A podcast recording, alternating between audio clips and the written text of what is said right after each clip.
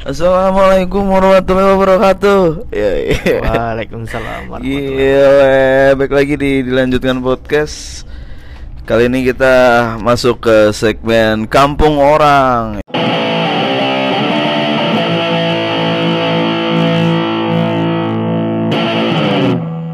Dengan Sabdol, Sabda Hasibuan.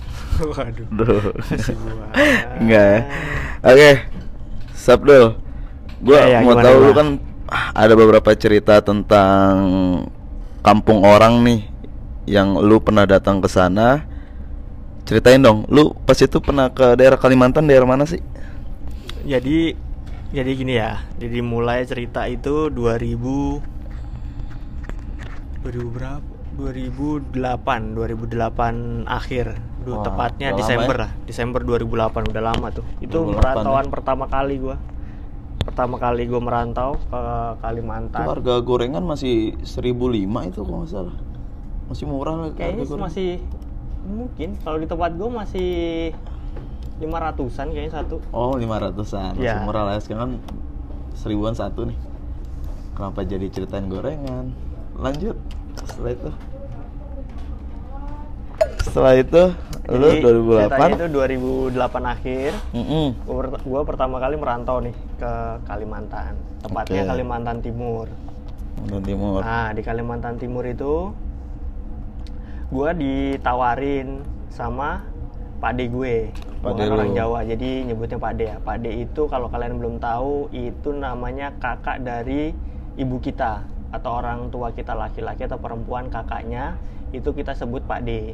Kayaknya udah umum deh emang semua. Oke, udah Banyak tahu ya. dipanggil Pade. Ya kalau buat yang belum tahu aja Oh, pade itu oke. apa ya kan. Mm-mm. Nah itu gue dapat penawaran tuh kerja di Kalimantan sana untuk jadi Panti security. pijit. Bukan. Oh, bukan. Belum lu- ada, belum ada. Panti pijit lu di sana buat mijit enggak ya? Enggak, enggak. Gue ditawarin jadi security tuh. Oh, security lu awal. Iya, Terus? jadi security. Security di pengeboran minyak tuh. Wih, gila. Kenceng nih cuan nih kayak nih. Tuh. Sudah security pengeboran minyak, terus gue kerjanya di offshore. Offshore itu Tahu berarti gua, di laut. lapangannya, di Iya, di, laut. lapangan tapi di laut. Jadi ki- kita tiap hari tuh patrolinya pakai speedboat. Wih, Keren nggak tuh? gila lu Terus kayak pengeboran minyaknya TV-TV itu lu. punyanya luar negeri, punya Perancis. total Ya, totalitas Dulu. tanpa batas. ya. Tapi sekarang udah diambil sama pemerintah karena Ah, kontraknya habis kan oke. tahun 2017. Jadi di dulu 2008 gue cerita, gue ker itu gue datang ke Kalimantan itu 2008 Desember itu gue belum kerja tuh. Jadi gue dipanggil dulu dulu ke sana. Mm-mm. buat ditesnya itu di Januari 2009 tapi 2 2008 Desember udah disuruh ke sono jadi buat penyesuaian lah Oh, lu jadi jadi untuk penyesuaian ngapain aja lu selama penyesuaian? ya selama di Ngepet? sono waduh Enggak ya? Ngepet Atau ya. lu belajar ilmu hitam di Dayak untuk bisa mindahin? enggak. jadi cuma penyesuaian doang Tenis. jadi biar tahu lokasi situ terus kayak nyesuaiin atmosfernya terus Oh. kayak budayanya di sono kayak gimana karena kan gua pertama kali merantau tuh awam banget tuh jadi gua nggak tahu kayak gimana gimananya di sono kan Hmm. Terus lu datang apa tuh yang menurut lu berbeda nih awal-awal ya kan? beda ya jelas bahasanya beda Bahasa, bahasa ya, oke lah. logatnya itu pasti beda Logat. tetap gunain bahasa Indonesia kebanyakan tetap di sono gunain bahasa Indonesia Tapi karena aku kan kamu di sana kan ya?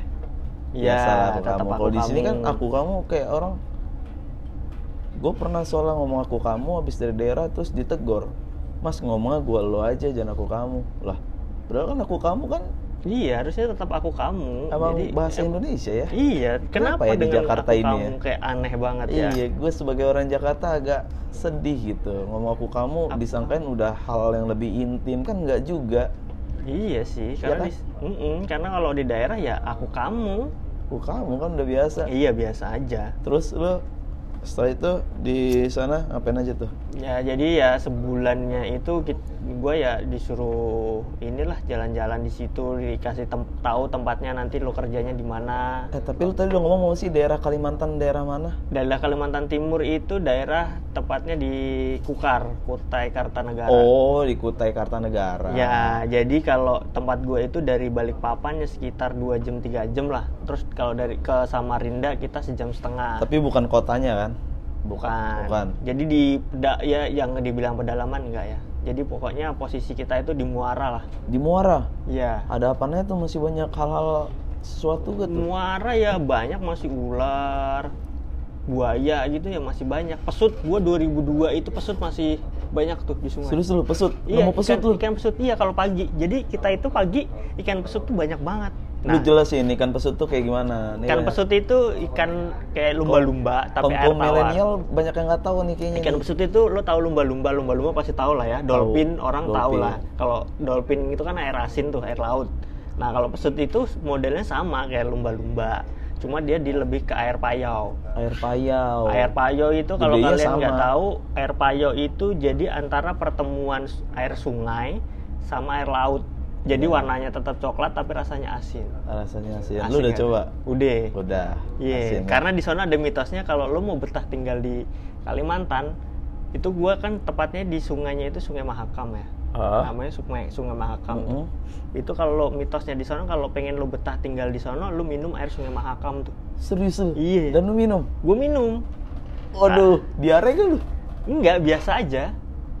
Jadi airnya memang coklat tapi jernih cuy. Emang warnanya aja karena di sana kan Emang gambut ya. dasarnya kali ya dasar Iya, bawah karena di sana kan air gambut ya. Tahu gambut nggak lu ngomongnya kasar sih Gambut, gambut. oh gambut sorry gue salah gambut, dong gambut itu apa ya kayak bulu bukan gambut bukan. itu kayak rumput-rumput yang kerendam air gitu terus warnanya jadi ya gambut itu kalau yang gue tuh tanah kan iya modelnya kayak gitulah Tanah tapi yang gambut. becek gitu kan Waduh, banyak air banyak air. ke mana-mana nih gue nih. Becek banyak air. gambut becek. Iya pokoknya gitulah ya. Nah terus lu minum deh tuh? Lu Mm-mm. lu nggak bereaksi apa apa tuh? Kayak nggak ada ya biasa aja. Kayak lu mencret gitu nggak? Nggak Atau diare lu diare juga mules nggak ternyata ada. malah jadi hobi setiap hari. Wah minum air mahakam Enggak, ah. enggak, enggak. enggak ya. Nggak juga nggak nggak juga nggak kayak gitu juga konsepnya. enggak ya. Enggak gitu konsepnya. Mm. terus lu udah udah tuh lu di situ bahkan banyak pesut. Terus ada Iya. apa lagi di Muara itu sekarang nih gue denger dengar pesut udah udah dikit banget terlihat bro. Kata Kemarin kan- teman gue ya kata teman gue yang masih tinggal di masih kerja di sono di tempat Hmm. gue yang lama itu sekarang pesut juga udah jarang kelihatan. Iya makanya banyak yang eh, udah ini. bahkan sampai beberapa beberapa dari pusat yang bagian apa sih disebutnya konservasi konservasi lingkungan itu dia emang lagi nyari-nyari pesut juga. Soalnya udah tinggal sedikit sekarang jumlahnya. Nggak tahu sih kalau jumlahnya tinggal mungkin populasinya tinggal sedikit mungkin ya. Populasinya soalnya mungkin. kalau tahun gue dulu 2008 dia di, 2009 di itu sana sendiri sebetulnya di ini gak sih? Maksudnya nggak nggak di- diburu juga nggak diburu kan? nggak ada. Di so- di sana itu sebenarnya kalau diburu nggak. Cuman terkadang nelayan itu kan nggak sengaja tuh jaring. Dia ke- kesangkut di jaring. Oh. Dan akhirnya mati. Jadi ngerti nggak? Dia emang itu hewan bukan buruan. Tapi kalau nelayan ada nyebar jaring terus dia kesangkut kan biasa di sana kan ada yang namanya apa ya pokoknya yang di dibiarin dipasang terus dibiarin besok pagi oh iya baru di harimau ya bukan Bukan ya? Oh, bukan. Sorry, apa gitu sorry. pokoknya ada juga yang kayak gitu nah itu nanti pas didateng besoknya gitu kadang ya udah tau gua nyebar jala gitu Iya, lah pokoknya besoknya pas datang udah mati karena udah kesangkut jala kan. Mm-mm. Atau enggak kesangkut pancing. ya Nah, itu udah mati. Kayak gitu-gitu sih mungkin karena kayak gitu juga lu sih. di sana siapa tuh pernah nyobain gitu Belum, belum. pepes pesut Atau Nggak. rica-rica pesut belum juga sih. belum nggak ada kan berarti emang nggak di nggak dimasak Nggak diburu, nggak diapa iya, nggak diburu nggak nggak dijadiin hewan konsumsi sebenarnya. Cuman Hmm. mungkin karena insiden-insiden nggak sengaja kayak gitu mungkin ya. tapi menarik tuh yang lu bahas tentang mitos tentang mitos lu minum air mahakam bisa eh, lu apa bakalan betah gue sempat gue sempat kan gue pernah juga eh, jalan-jalan lah gue ke Pangkalan Bun Kalimantan Tengah pas gue landing digituin eh mas jangan udah kena air Kalimantan nih udah kena air sini nih bakalan balik lagi nih. Ya ya 2000 ada, ada. iya ada yang kayak gitu loh Ada yang 2018 kayak gitu-gitu. bener 2019 gue balik lagi bro. Ada mitos-mitos kayak gitu. Balik lagi dan baliknya bukan karena gue mau emang udah tiba-tiba gue ditugasin ke sana gitu. Kayak wah bener lagi mitosnya gitu. Tapi nggak tahu ya iya mungkin kebetulan atau memang Mungkin karena kebetulan mitos apa enggak, ya namanya juga mitos kan ya. Ya ya pokoknya gitu. Jadi banyak sih mitos tapi mitos hati-hati lu dimasukin Coca-Cola lo mentos mentos itu mah oh mentos sorry. Sorry. Mentos. Oke. Eh, yaudah, lu terus ada mitos apa lagi tuh? terus kalau di sana ada namanya hmm, kepuhunan. Kepunan. Pernah denger tapi gue lupa tuh. Gimana tuh? jadi mitos di sana ya. Jadi mitos di sana jadi setiap orang menawari makanan atau minuman Mm-mm. kita harus nyicip nyicip itu dalam arti kita nyicip aja dikit kalau misalkan kita nggak mau banget nih ditawarin makan atau nyemilan atau minuman kita udah kenyang atau ini tetap aja kalau udah ditawarin kita cicip nyicip Harus nyicip. iya karena itu dia tadi mitosnya kalau kita nggak nyicip Mm-mm. kita bakal terjadi sesuatu yang nggak diinginkan dalam tanda kutip negatif ya Oh, ya apa pun lah itulah meskipun lu lihat nih makanannya lu nggak suka, tetap atau, ya. iya kita nggak suka ataupun kita udah kenyang atau tetap- haram gitu contoh.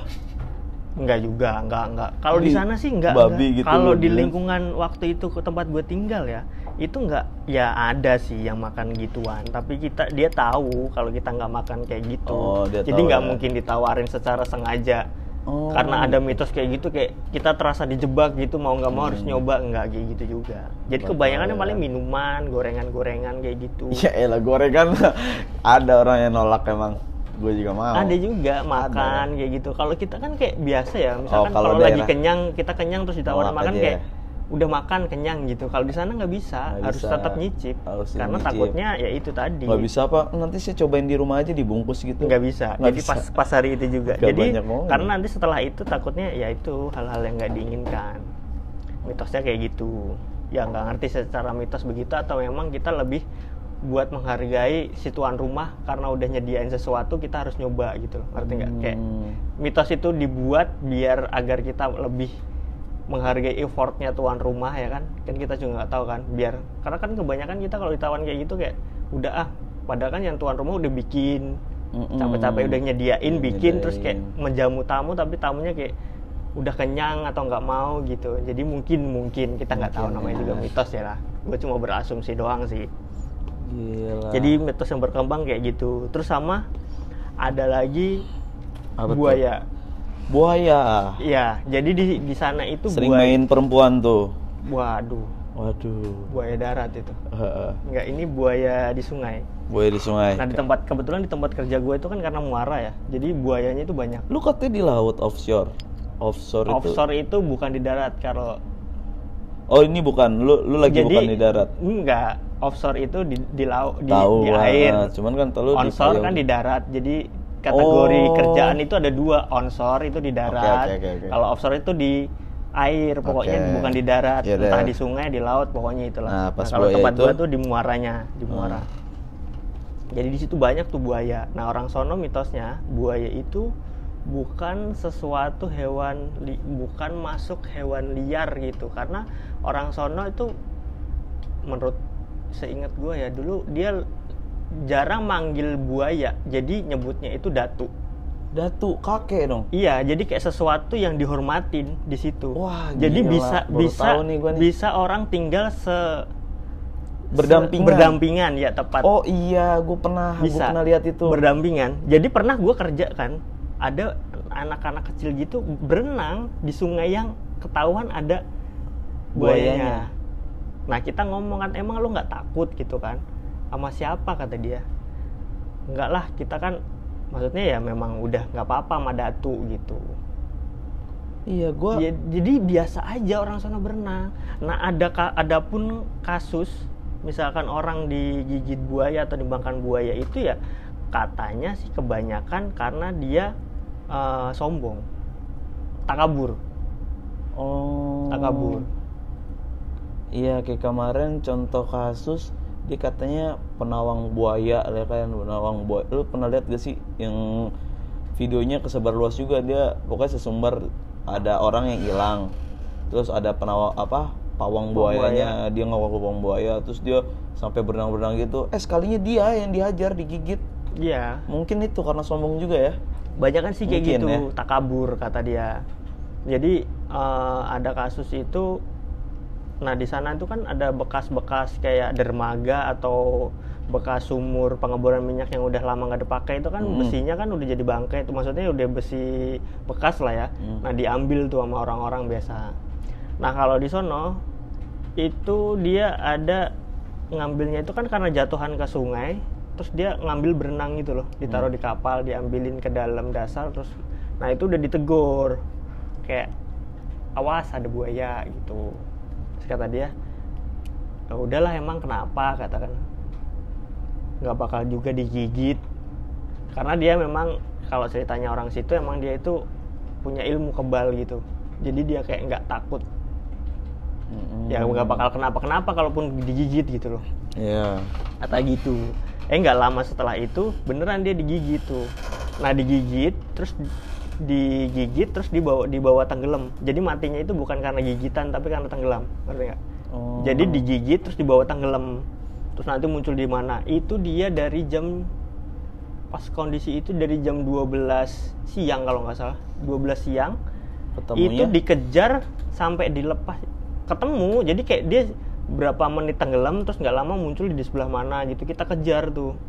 Nah itu yang muncul terus tenggelam lagi. Kita sampai manggil orang polsek buat ya terus pawang buat nyari itu biar dilepas kan sebenarnya udah mati mayatnya kan biar di, bisa dimakamin gitu loh Hmm, pesan itu moralnya sampai berarti sampai jam 9 malam baru dilepas malam ya. Pesan moralnya berarti bisa Iya, berguna di mana aja tuh. Iya, ya jangan takabur kata Jangan dia kayak takabur. gitu.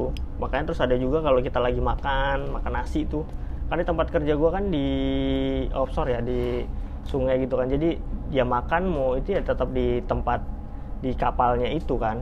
Nah, gitu kan kita nyandar itu ya kadang ada buaya muncul tiba-tiba. Oh, lu sering lihat buaya emang? Iya di sebelah tiba-tiba muncul gitu kita nyandar ngikat tali di kapal itu terus nggak lama ada muncul buaya. Nah kita kalau makan ya itu berbagi kata dia. Kita Oh, ngambil nasi sedikit atau apa lauknya Masa lu dilempar. kasih nasi? Iya serius. Kita- Buaya. Kita, Nggak lem- sekalian lu kasih pelet. Tapi emang gitu budaya di sono udah budaya di sono. Jadi namanya berbagi ya berbagi nggak tahu saya. Pokoknya kita berbagi. Tapi dimakan lu kasih nasi. Enggak juga. Orang kita cemplungin ke air yang penting. Enggak buat dikasih buat dimakan. Ya kita syaratnya Oh, doang. ibarat syaratnya nih, Iya, udah yang udah berbagi. lu. Mitosnya gitu. Jadi kayak berbagi yang kita makan ya berbagi sama yang di situ juga gitu biar kita nggak diganggu. Ngerti nggak?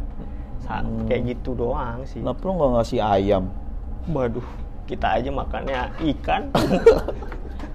Masa dikasih ayam, Pak? Iya siapa tahu. Iya. Iya kan?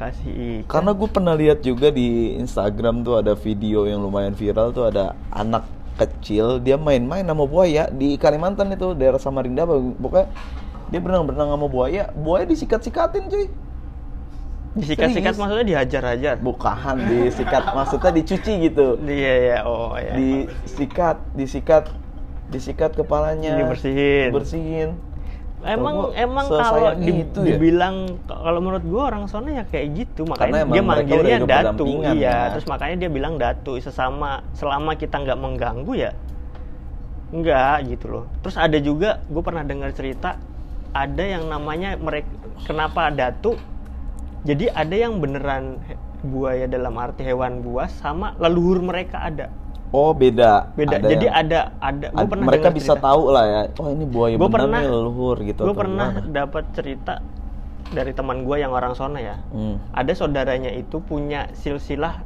urutan leluhur gitu. Nah itu ada leluhurnya yang buaya. Waduh. Serius? Jadi jadi iya benar-benar. Mungkin masuk akal. Kan kita ceritanya. Namanya ini kan apa urban leluhur- legend lah ya. iya urban legend. Nah itu silsilah leluhur kalau diurutin dia punya itu. Jadi si cuci anak itu udah jadi cucu apa cicit gitu. Nah dijagain nama itu. Udah udah nggak bentuknya bisa muncul secara fisik buaya ada juga ada yang bentuk kayak udah roh. Hmm. udah jadi jadi dilindungin. Jadi ibarat kata dia punya pengawal gaib itu. Nggak mungkin ceritanya lu nggak dapat ceritanya apakah buayanya itu dikutuk apa dulunya manusia Nggak dikutuk jadi buaya apakah emang ternyata buaya kawin silang sama manusia ada juga Nggak nggak juga. tahu sih ceritanya sih kata dia ya lahir kita kan kalau orang tempat gua kan ada yang namanya punya saudara eh, ada yang lu pernah dulu dulu kan pernah ada tuh yang anak lahir terus satu lagi lahir yang ari-arinya itu loh Hmm? Nah, ari-ari itu pas dikubur terus tiba-tiba muncul jadi ular ada yang dulu. Dulu pernah ada kasus kayak gitu. Yang masuk ke rumah ular kata dia saudara kembarnya itu. Nah, ada dulu.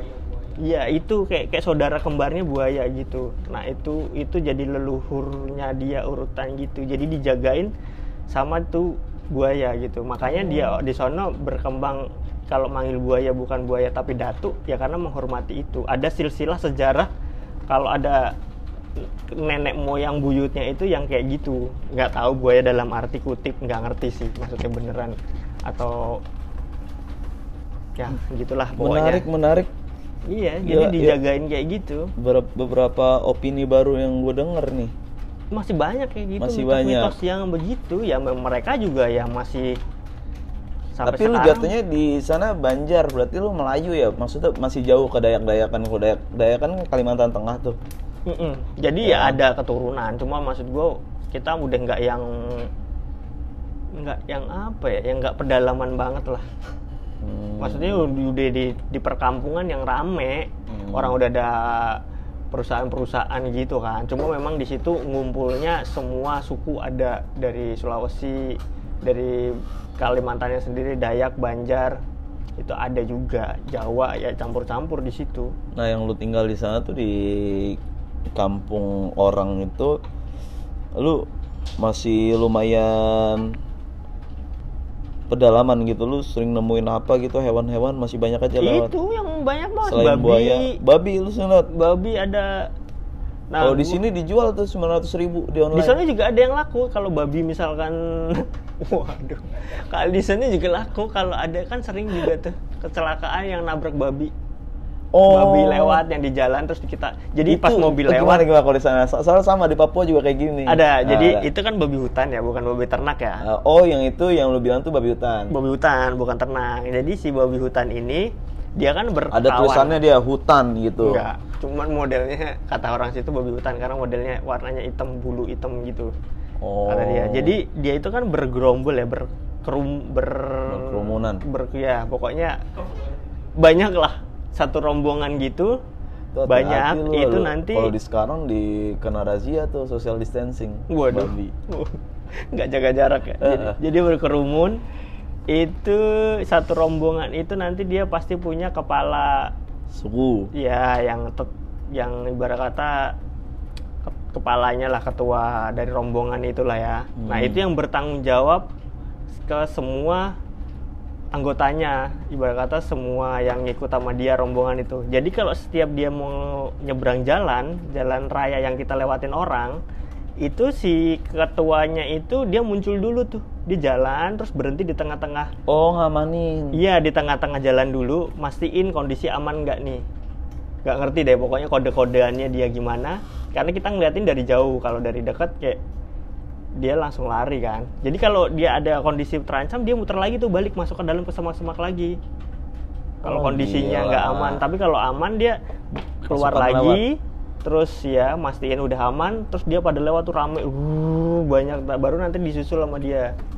berarti babi aja dia sif- sifatnya dia leadershipnya ada ya Ada, jadi ada Nggak jiwa nggak tanggung, nggak ada jiwa tanggung Kan jawab dia. di manusia kan ya dia kalau udah ada yang ya dia nggak kerja gitu cuma nyuruh doang berarti Ada, kalau ya. babi dia ini ya Nggak, berarti dia benar-benar kalau mau di, di- lebih baik dari dipilih- manusia ya babi itu ya Ya nggak tahu sih, Nggak pokoknya ya ya. gitulah. Setahu Oh, gua, gitu. jadi dia ada jiwa tanggung jawabnya gitu. Kalau sebagai Emang pemimpin ya benar. memang harus ngambil tanggung jawab kayak gitu sih. iya emang benar berarti eh, kata orang-orang gitu kadang manusia lebih buruk daripada binatang uh Waduh. Iya sih, ada Ya. sih. Ya, kayak contoh suatu slogan nih yang buang sampah di alam cuma manusia, Bro. Hewan Buang kotoran, Buang sampah gak? buang kotoran. buang sampah kan sampah beda Ya, sama sampah kotoran. itu maksudnya gimana? Sampah yang dibilang Ya, sampah itu. sampah lah. Ya apa yang dibilang Ya, sa- sampah? Kotoran sama sampah udah jelas beda bro. Bedanya? Ya udah jelas beda. Kan sama-sama nggak diperlukan kan dibuang. beda. Kotoran itu kotoran masih ada manfaatnya. Masih bisa lagian Kalau sampah sampah organik juga masih ada manfaatnya. ah didebatin mulu. Bangke emang bapak Sabdol. Terus ada lagi kan nih lo daripada kita berdebat lumayan panjang nih perihal sampah dan kotoran yang lo bilang atau ya tai itu tadi ya balik lagi ke hewannya ya paling ya gitu buaya, ular, babi. Ya ular ya banyak kan sih piton sih kayak piton-piton Ular, gitu. piton. Iya, itu banyak tuh. selain ular piton piton. lu siapa tuh nemuin ular Gak tahu kalau yang lain gue sering yang paling sering itu piton sih. nakonda mungkin Anaconda kan bukan Atau- Indonesia punya. ibu onda Ibu Honda juga enggak ya enggak juga sih. Nah, ini kan kita tadi udah bahas tentang perbabian, perularan, perpitonan nih.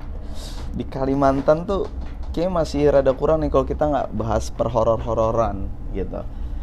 Lu ada cerita apa nih Sap di Kalimantan nih perhoror-hororan? Mungkin lu pernah ngeliat titit di jidat kan ada rumor gitu di Ada Kalimantan. ada ada. Gue pernah kan? gue pernah denger dulu gue gue pernah pertama kali gue ke Kalimantan pas gue kerja itu kan tadinya kan lingkungan gue kan lingkungan keluarga Pak De gue ya maksudnya sesama orang perantauan yang ke situ gitu loh bukan yang akamsi ibaratnya bukan warlock lah warga Mm. lokal situ bukan pas ke- pertama kali gue kerja terus kan gue kan kerja itu kan dapat mes ya jadi kita tinggal di mes gitu loh. karena sistem kerjanya gue dulu itu dua minggu kerja seminggu libur. Jadi selama kita kerja tinggal di mes. Nah selama di mes itu gue ngobrol-ngobrol lah itu sama warlock situ. Mereka pada nanya tuh. Akamsi lah ya. iya. Lu nggak bawa bekal emang? Bekal dalam tanda kutip bukan bekal material atau apa ya lebih ke spiritual spiritual Oh. gitu. Gitu. maksudnya karena kita merantau di tanah Kalimantan gitu loh Tapi kan lu daerahnya kalau menurut gue ya, lu bukan yang di pedalaman Bukan- sebenarnya Dan lu pedalamannya pun lu kan daerah Kalimantan Timur nih.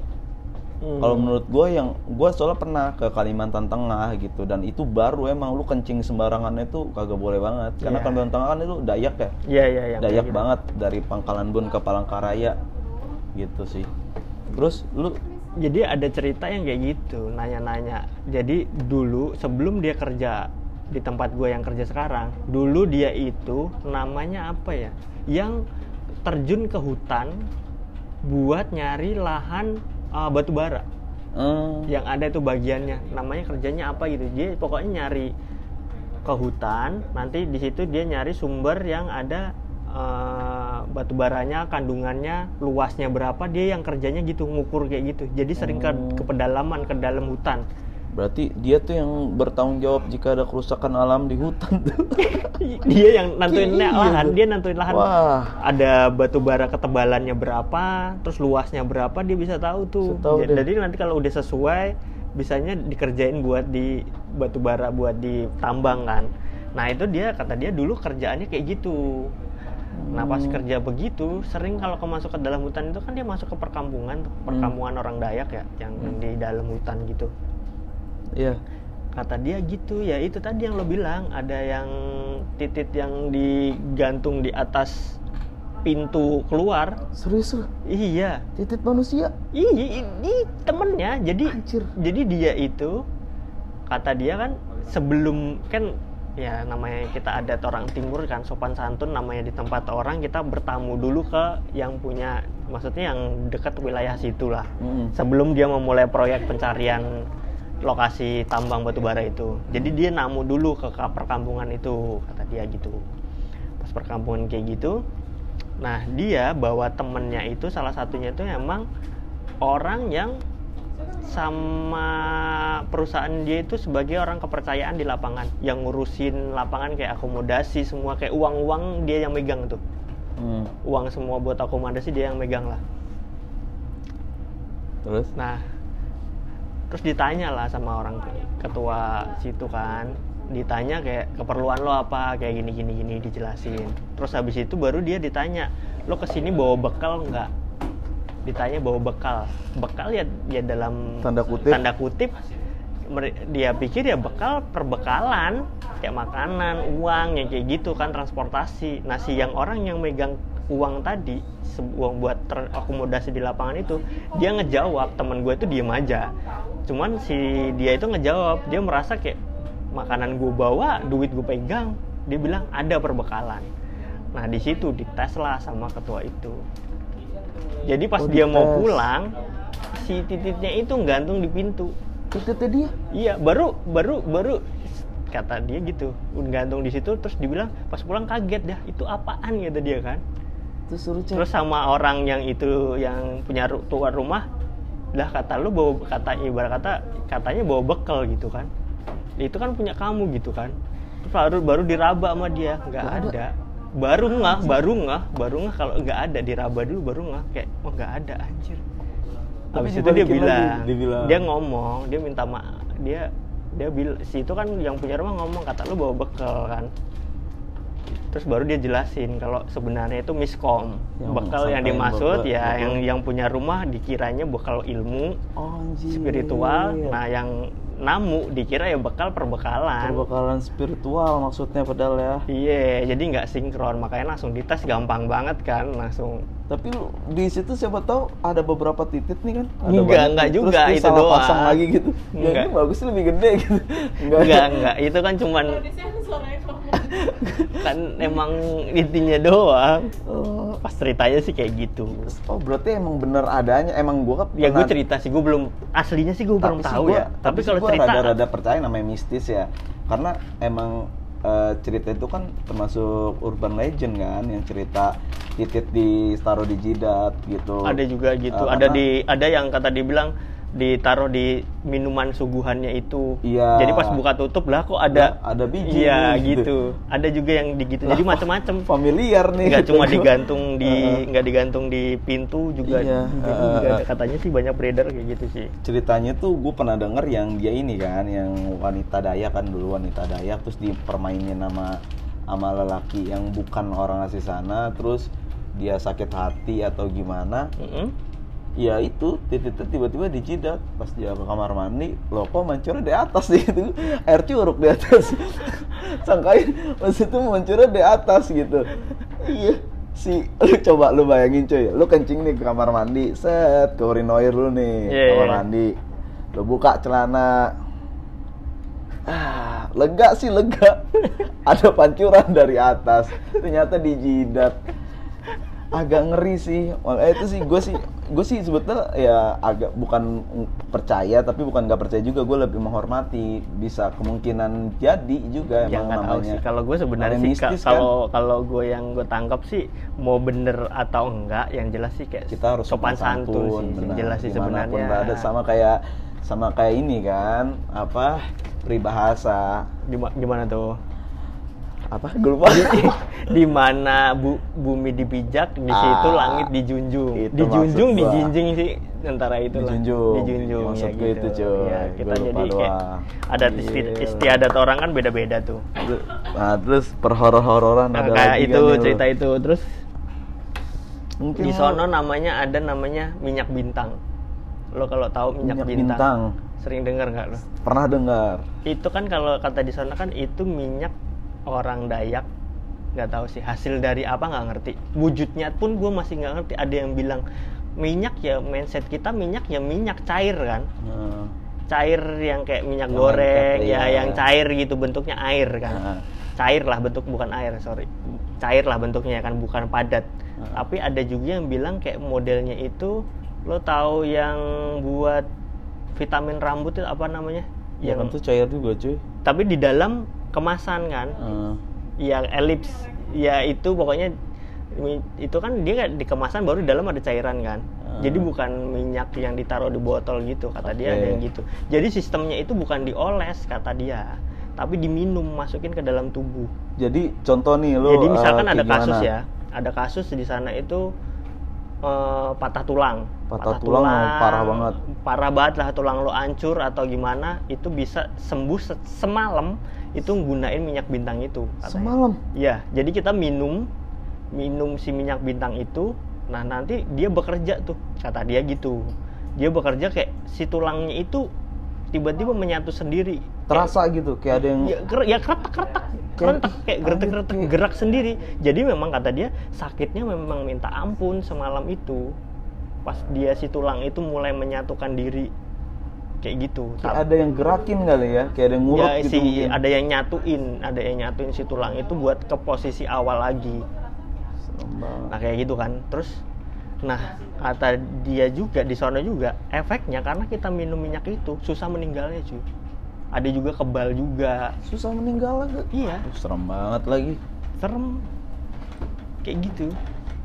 Gara-gara ef- berarti efek sampingnya susah meninggal karena iya sih kan. kita kan minum kan, Hmm. ditelan, jadi masuk ke badan kita, jadi ke- bisa kebal juga. Terus lo nggak gampang mati. Bisa meninggal kalau ditusuk sama jarum emas di jempol kakinya. Jarum emas. Ya. Si ribet tuh. Emasnya harus benar emas lagi bukan warna emas. Bukan di Waduh, sepuhan ya, Bukan, sepuhan emas juga. beneran ya. Emas beneran kan agak Masalahnya nih emas 1 gramnya sekarang 900 nih. Ya, jarum, jarum ya lumayan tuh kayak tuh. Berapa 2 gram, tuh? ada lah ya, 2 gram, segram ya gitulah. Pokoknya ada gitu. Masih PR banget lagi, harus bikin jarum dulu. Pencetakannya di mana, Ci? Makanya harus pesan dulu inden. Pokoknya pakai itu ilmu di situ-situ. Tapi lu nggak nggak nyoba minum itu kan? Minum bintan siapa tahu lu pantesan lu susah matinya lu gue lihat. Aduh. Nah. Nggak tahu sih itu gue gue dulu pernah ditawarin sih. Udah cuman gue nggak mau. Jadi di sono itu kan karena kita kerjanya di tempat balik lagi ya ke kerjaan gue dulu yang di offshore itu tadi ya. Di offshore itu tadi kan di pengeboran itu sering terjadi kemalingan itu di kabelnya. Kabel kuningan kuningan kan mahal tuh. Oh, tembaga kuningan. Iya tembaga kuningan itu bukan mahal. kuningan jadi di Jawa Tengah, bukan? kuningan juga nggak Jawa Tengah kali masih Jawa Barat kuningan Oh, sorry. kuningan sini juga Tamrin kuningan Wah, iya, Iya. Pokas. ya gitu Mm-mm. Terus? Eh. jadi kemalingan itu jalur kabel yang dilewat jadi untuk proses pengeboran minyak itu tadi dia memerlukan tenaga listrik besar banget tuh Mm-mm. jadi dari setiap titik-titik pengeboran itu dia disambung buat tenaganya itu pakai kabel yang besarnya pokoknya gede lah nah isinya itu kan kuningan pengantarnya itu buat ngalirin 15.000 sampai 35 volt tegangannya Wah.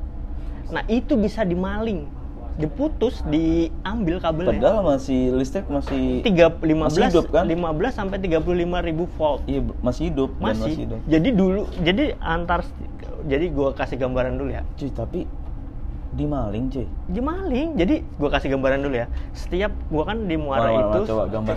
Waduh, enggak, enggak. Bu- Buat Oh. penontonnya ini kan Oh, buat di oh, yang Di- penonton oke. Dilan Lisius ini atau Waduh. Dilan Mania ini kan biar ada gambaran kayak tempat kerja gue dulu di di Muara. Di Muara itu, itu Banyak yang jual ikan gak tuh? Banyak ikan Muara tambak- dong. Aduh. Di sana emang banyak terus tambak-tambak udang ikan itu banyak. Jadi di tempat itu banyak empang, terus pohonnya itu pohon nipah tahu nggak lo? Pohon nipah. Oh, tahu. Dia kayak pohon palem, Ya nipah gitu. tapi dia adanya di Muara emang. Jadi setiap titik setiap titik itu dibuat penghubung kabel apa tegangan itu pakai kabel itu tadi. Tegangannya tegang banget itu ya. Iya, orang 15 sampai 35 volt. Aduh. Ada tulisannya di situ, tapi bisa dimaling tuh.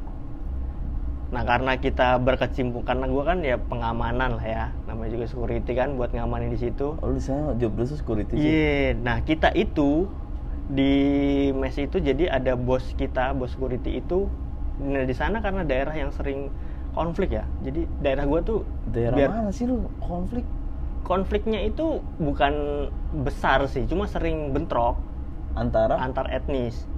Kayak tawuran-tawuran gitulah kayak Manggarai lah ya, daerah Oh. danger. Sering ke- kepicu sedikit berantem Oh, iya, yang masih iya, kayak iya. gitu. Jadi Oh. ya gitulah. nah, Biasalah kita kita pendatang itu biar am, biar ini ya pasti punya guru spiritual yang ngasih ilmu kebal-kebal kayak gitu loh tapi gue nggak pernah nyoba nah itu gue pernah macem-macem ya ada ilmu kebal yang cuma bertahan sehari dengan cara kita uh, minum minuman atau yang dikasih sama si gurunya itu tadi Hmm. itu bertahan sehari doang kita kebal jadi gue pernah ya nganterin temen gue di tempat karena kerjaan kita kan bersinggungan sama pencuri kan Hmm. terus pencuri yang kita harus nge- ngecarinya ke dalam hutan nipah kan serem banget kalau kita dibacok dibunuh kan nggak ada siapa yang mau tahu di situ kan Iya, kelar lu. kelar kan dilempar situ dimakan buaya selesai nggak ada Selesai. selesai nah makanya kita di sana punya guru spiritual yang itu tadi buat ngasih ilmu kebal terus selamat gitu ada macam-macam jadi ada yang dikasih minuman ada yang dikasih Tablet puyer.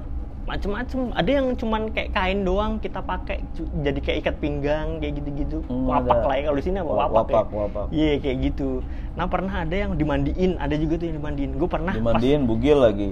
Hmm, jadi gue pernah cewek? nganterin Waduh. bukan gurunya cowok loh Oh, gurunya cowok. jadi gue pernah nganterin ini cerita nyata nih karena ini gue gue ngeliat Oh, lu ngeliat ini ya. jadi posisinya malam kita nganterin temen gue yang memang mau dimandiin. iye buat kebal Eh, nah itu biasanya nambah cepet tuh cuy buat ngeluarin. waduh Nah, maksudnya ngeluarin ngeluarin ini lagi, ngeluarin ilmunya lagi. Nggak kan udah deh. dimandiin. Pokoknya gue dulu nganterin dia mau gitu.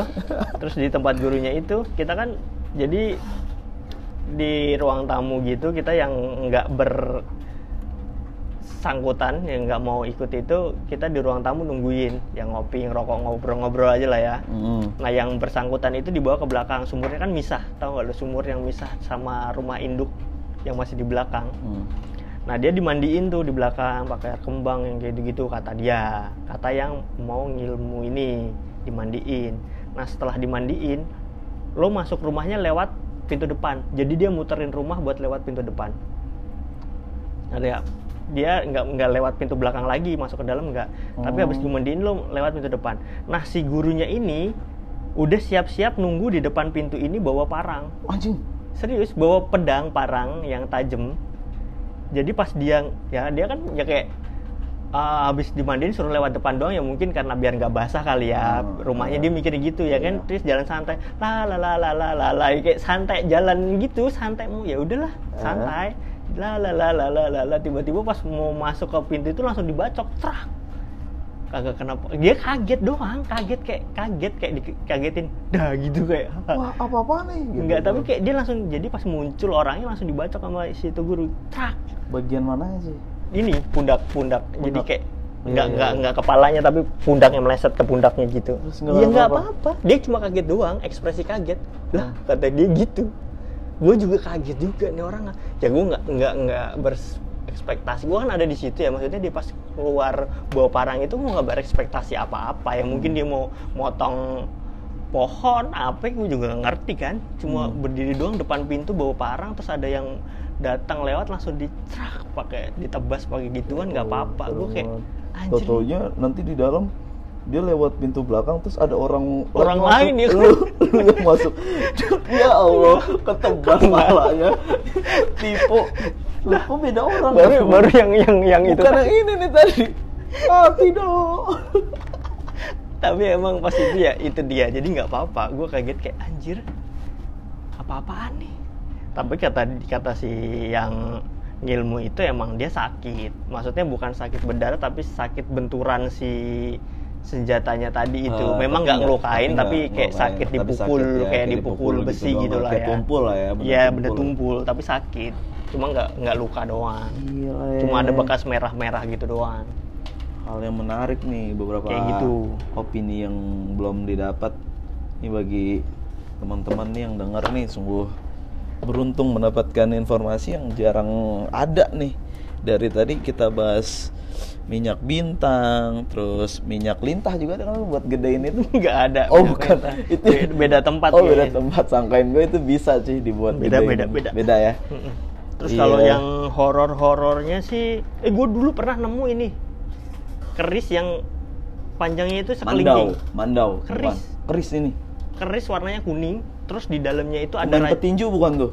Chris John Chris John itu mah Chris Sorry. John pak sorry terus habis itu gimana ini gitu nih keris yang pa- ting- panjangnya itu sekelingking kelingking jari orang dewasa lah ya Mm-mm. warnanya kuning terus ada ada rajahan Arab huruf Arab al- alibata yang oh iya tuh berarti Ada tuh raja-rajahan. buat buat nusuk buat ngebunuh tadi tuh keris emas iya bisa buat nusuk iya nusuk, mungkin. Gue nemu jadi pas gue ilmunya lepas. Emang pas waktu itu ya gue jaga malam ya?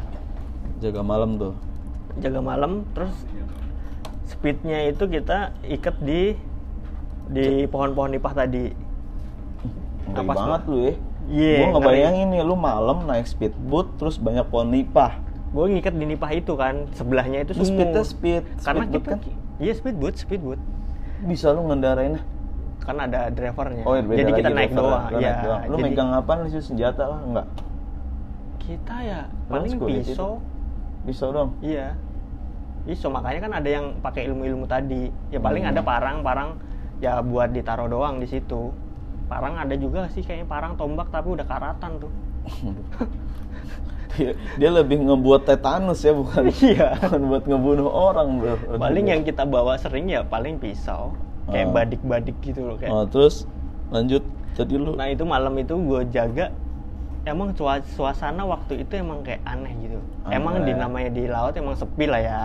Tapi kita itu bulan di- purnama gak tuh lu lihat gak bulannya? Bulannya Enggak. Enggak, enggak ngelihat sih Lupa sih gue Pokoknya Nah. tapi emang nggak gelap Nggak gel- Atau nggak, lu- nggak, nggak Posisi waktu itu nggak gelap lah atau bulan sabit sama kampak kali Waduh waduh Astagfirullahaladzim berat banget lagi terus habis itu lanjut Pokoknya di rute gua itu, yang gua jaga itu, kan kita ada dibagi tiga rute, rute jalur sungainya. Nah jalur yang gue tempatin itu jalur sungai besar. Jadi Mm-mm.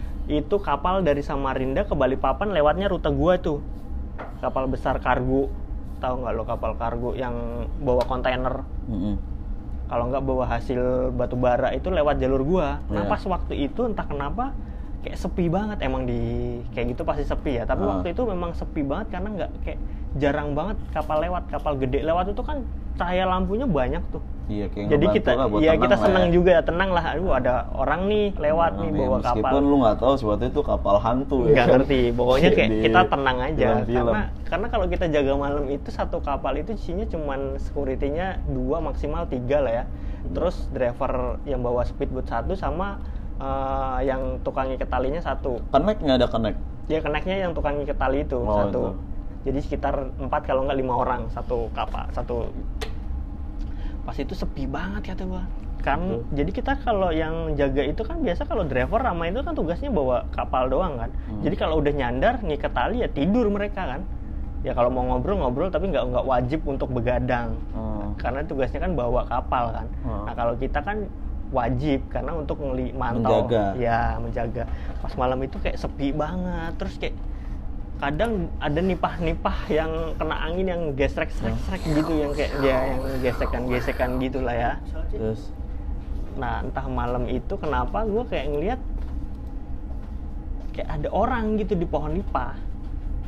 Ngerti nggak sih? Kayak ada siluet orang yang di pohon nipah tapi nggak nyala merah matanya gitu nggak. Cuma kayak orang warna siluet Anjir, siluet bayangan orang ngerti Lah nggak tahu orang apa enggak Nah, atau cuma perasaan gue doang ya. Nah udah ya lewat begitu saja udah. Pagi pun menjelang subuh. Waduh tante Lu- Rini pun datang. Pagi pun menjelang. Oke. Nah pas pagi-pagi itu gue ngerasa gue ngeliat kayak ada sesuatu yang beda di bawah kursi seat si kursi penumpang yang kita naik speed itu.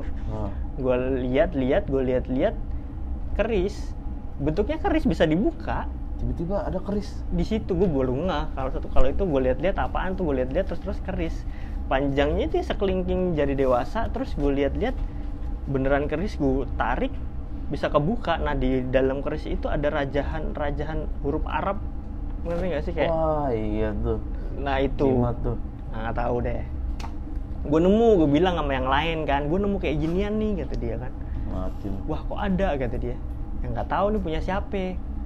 Karena kan lu tahu lingkungan gue tadi lingkungan yang ngilmu-ngilmu tadi kan. Hmm, gue pikir hmm. jimat orang jatuh kan. Iya.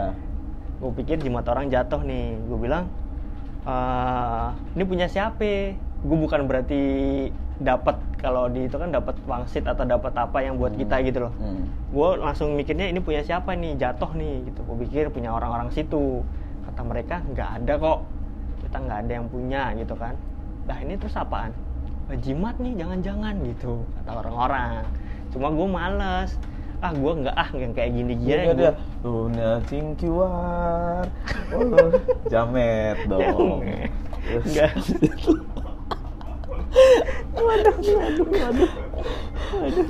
Agak ah, Terus habis itu? Abis itu gue karena gue nggak terlalu ini sama hal-hal kayak gitu ya bersinggungan kayak gitu ya ya gue kasih aja sama teman gue lo mau? Ambil aja kata dia kata gue ya udah gue ambil aja lah. Ntar gue tanyain sama guru gue guru spiritualnya mereka. Hmm. guru gue gue tanyain ini Oh, siapa tahu itu benar emas terus lu jual. Nggak Ngaco tahu. lu. Siapa karena kan emas, cuy. kebanyakan kan karena kita di muara ya lo tahu kenapa? Lo pernah denger nggak? Eh, santet itu nggak bisa ngelewatin laut. Iya pernah pernah kan? Pernah. itu kenapa? Gue baru tahu pas di Kalimantan. Kalau santetnya orang Kalimantan orang Dayak kata dia bisa Oh, nembus itu laut. sih? itu bisa nembus laut. Bisa? Bisa. Kalimantan? Iya. Ah yakin lu? Iya kata oh, mereka. Iya makanya pernah. Oh iya, iya. kalau tapi kalau yang lain nggak bisa. Kenapa nggak bisa? Kenapa nggak bisa lewatin laut? Secara teorinya anjay teori. Gue diceritain orang sono. Hmm. kenapa orang lain ngirim santet nggak bisa nyebrang laut karena di laut itu kan banyak orang ngebuang jimat, buang sial di laut semua jin-jin kan dibuang ke laut, Ah. jin-jin yang udah nggak diharapin mereka kan dibuang ke laut nih. Akhirnya kan terjadi perkumpulan perjin-jinan yang udah nggak di nggak dibutuhin lagi buat jadi pendamping, buat jadi ilmu kebalnya mereka kan Hmm. dibuangnya di larung semua kan, di larung ke sungai. Kan muaranya kan tetap di laut semua kan. Hmm. Nah makanya si santet ini kan dalam bentuk yang kayak gitu juga kan. Maksudnya dikirim Terus kirim perjin-jinan gitu. Dia nyebrangin laut nggak bisa karena di stop sama yang penghuni laut, yang penguasa laut itu tadi. Jadi nggak bisa nembus, ngerti nggak? Oh. Nggak bisa nyampe. Akhirnya makanya nggak bisa nyampe. Tapi kalau yang kata dia orang Dayak bisa nembus, karena yang dikirim itu lebih kuat dari yang dilewatinnya ini. Jadi bisa nembus. Oh gila gitu Gue juga baru tahu. Iya kenapa enggak itu dikirim ke Israel aja Nggak bisa tahu nembus Gue kata dari ceritanya. Dayak tuh. Nah itu, gue juga nggak tahu sih. Itu ceritanya sih kayak gitu. Oh, Buat gitu. cerita sih. Wah gila cerita menarik ya dari kampung orang kali ini dengan Sabdol dengan menceritakan kampungnya dulu yang dia pernah bekerja di daerah mana? Babelan. Waduh, Babelan, Bekasi bang. Di Kalimantan Timur, Kalimantan di Timur, Kutai Kartanegara. Di Kukar ya, Iya, Kukar Kukar, Negara. Kutai Kartanegara. Sampai berjumpa di next episode berikutnya di kampung orang lainnya bersama gua Dilan Fadlan pamit. Sama Sabda. Pamit. Sampai berjumpa. Terima kasih. Assalamualaikum warahmatullahi wabarakatuh. Waalaikumsalam warahmatullahi wabarakatuh.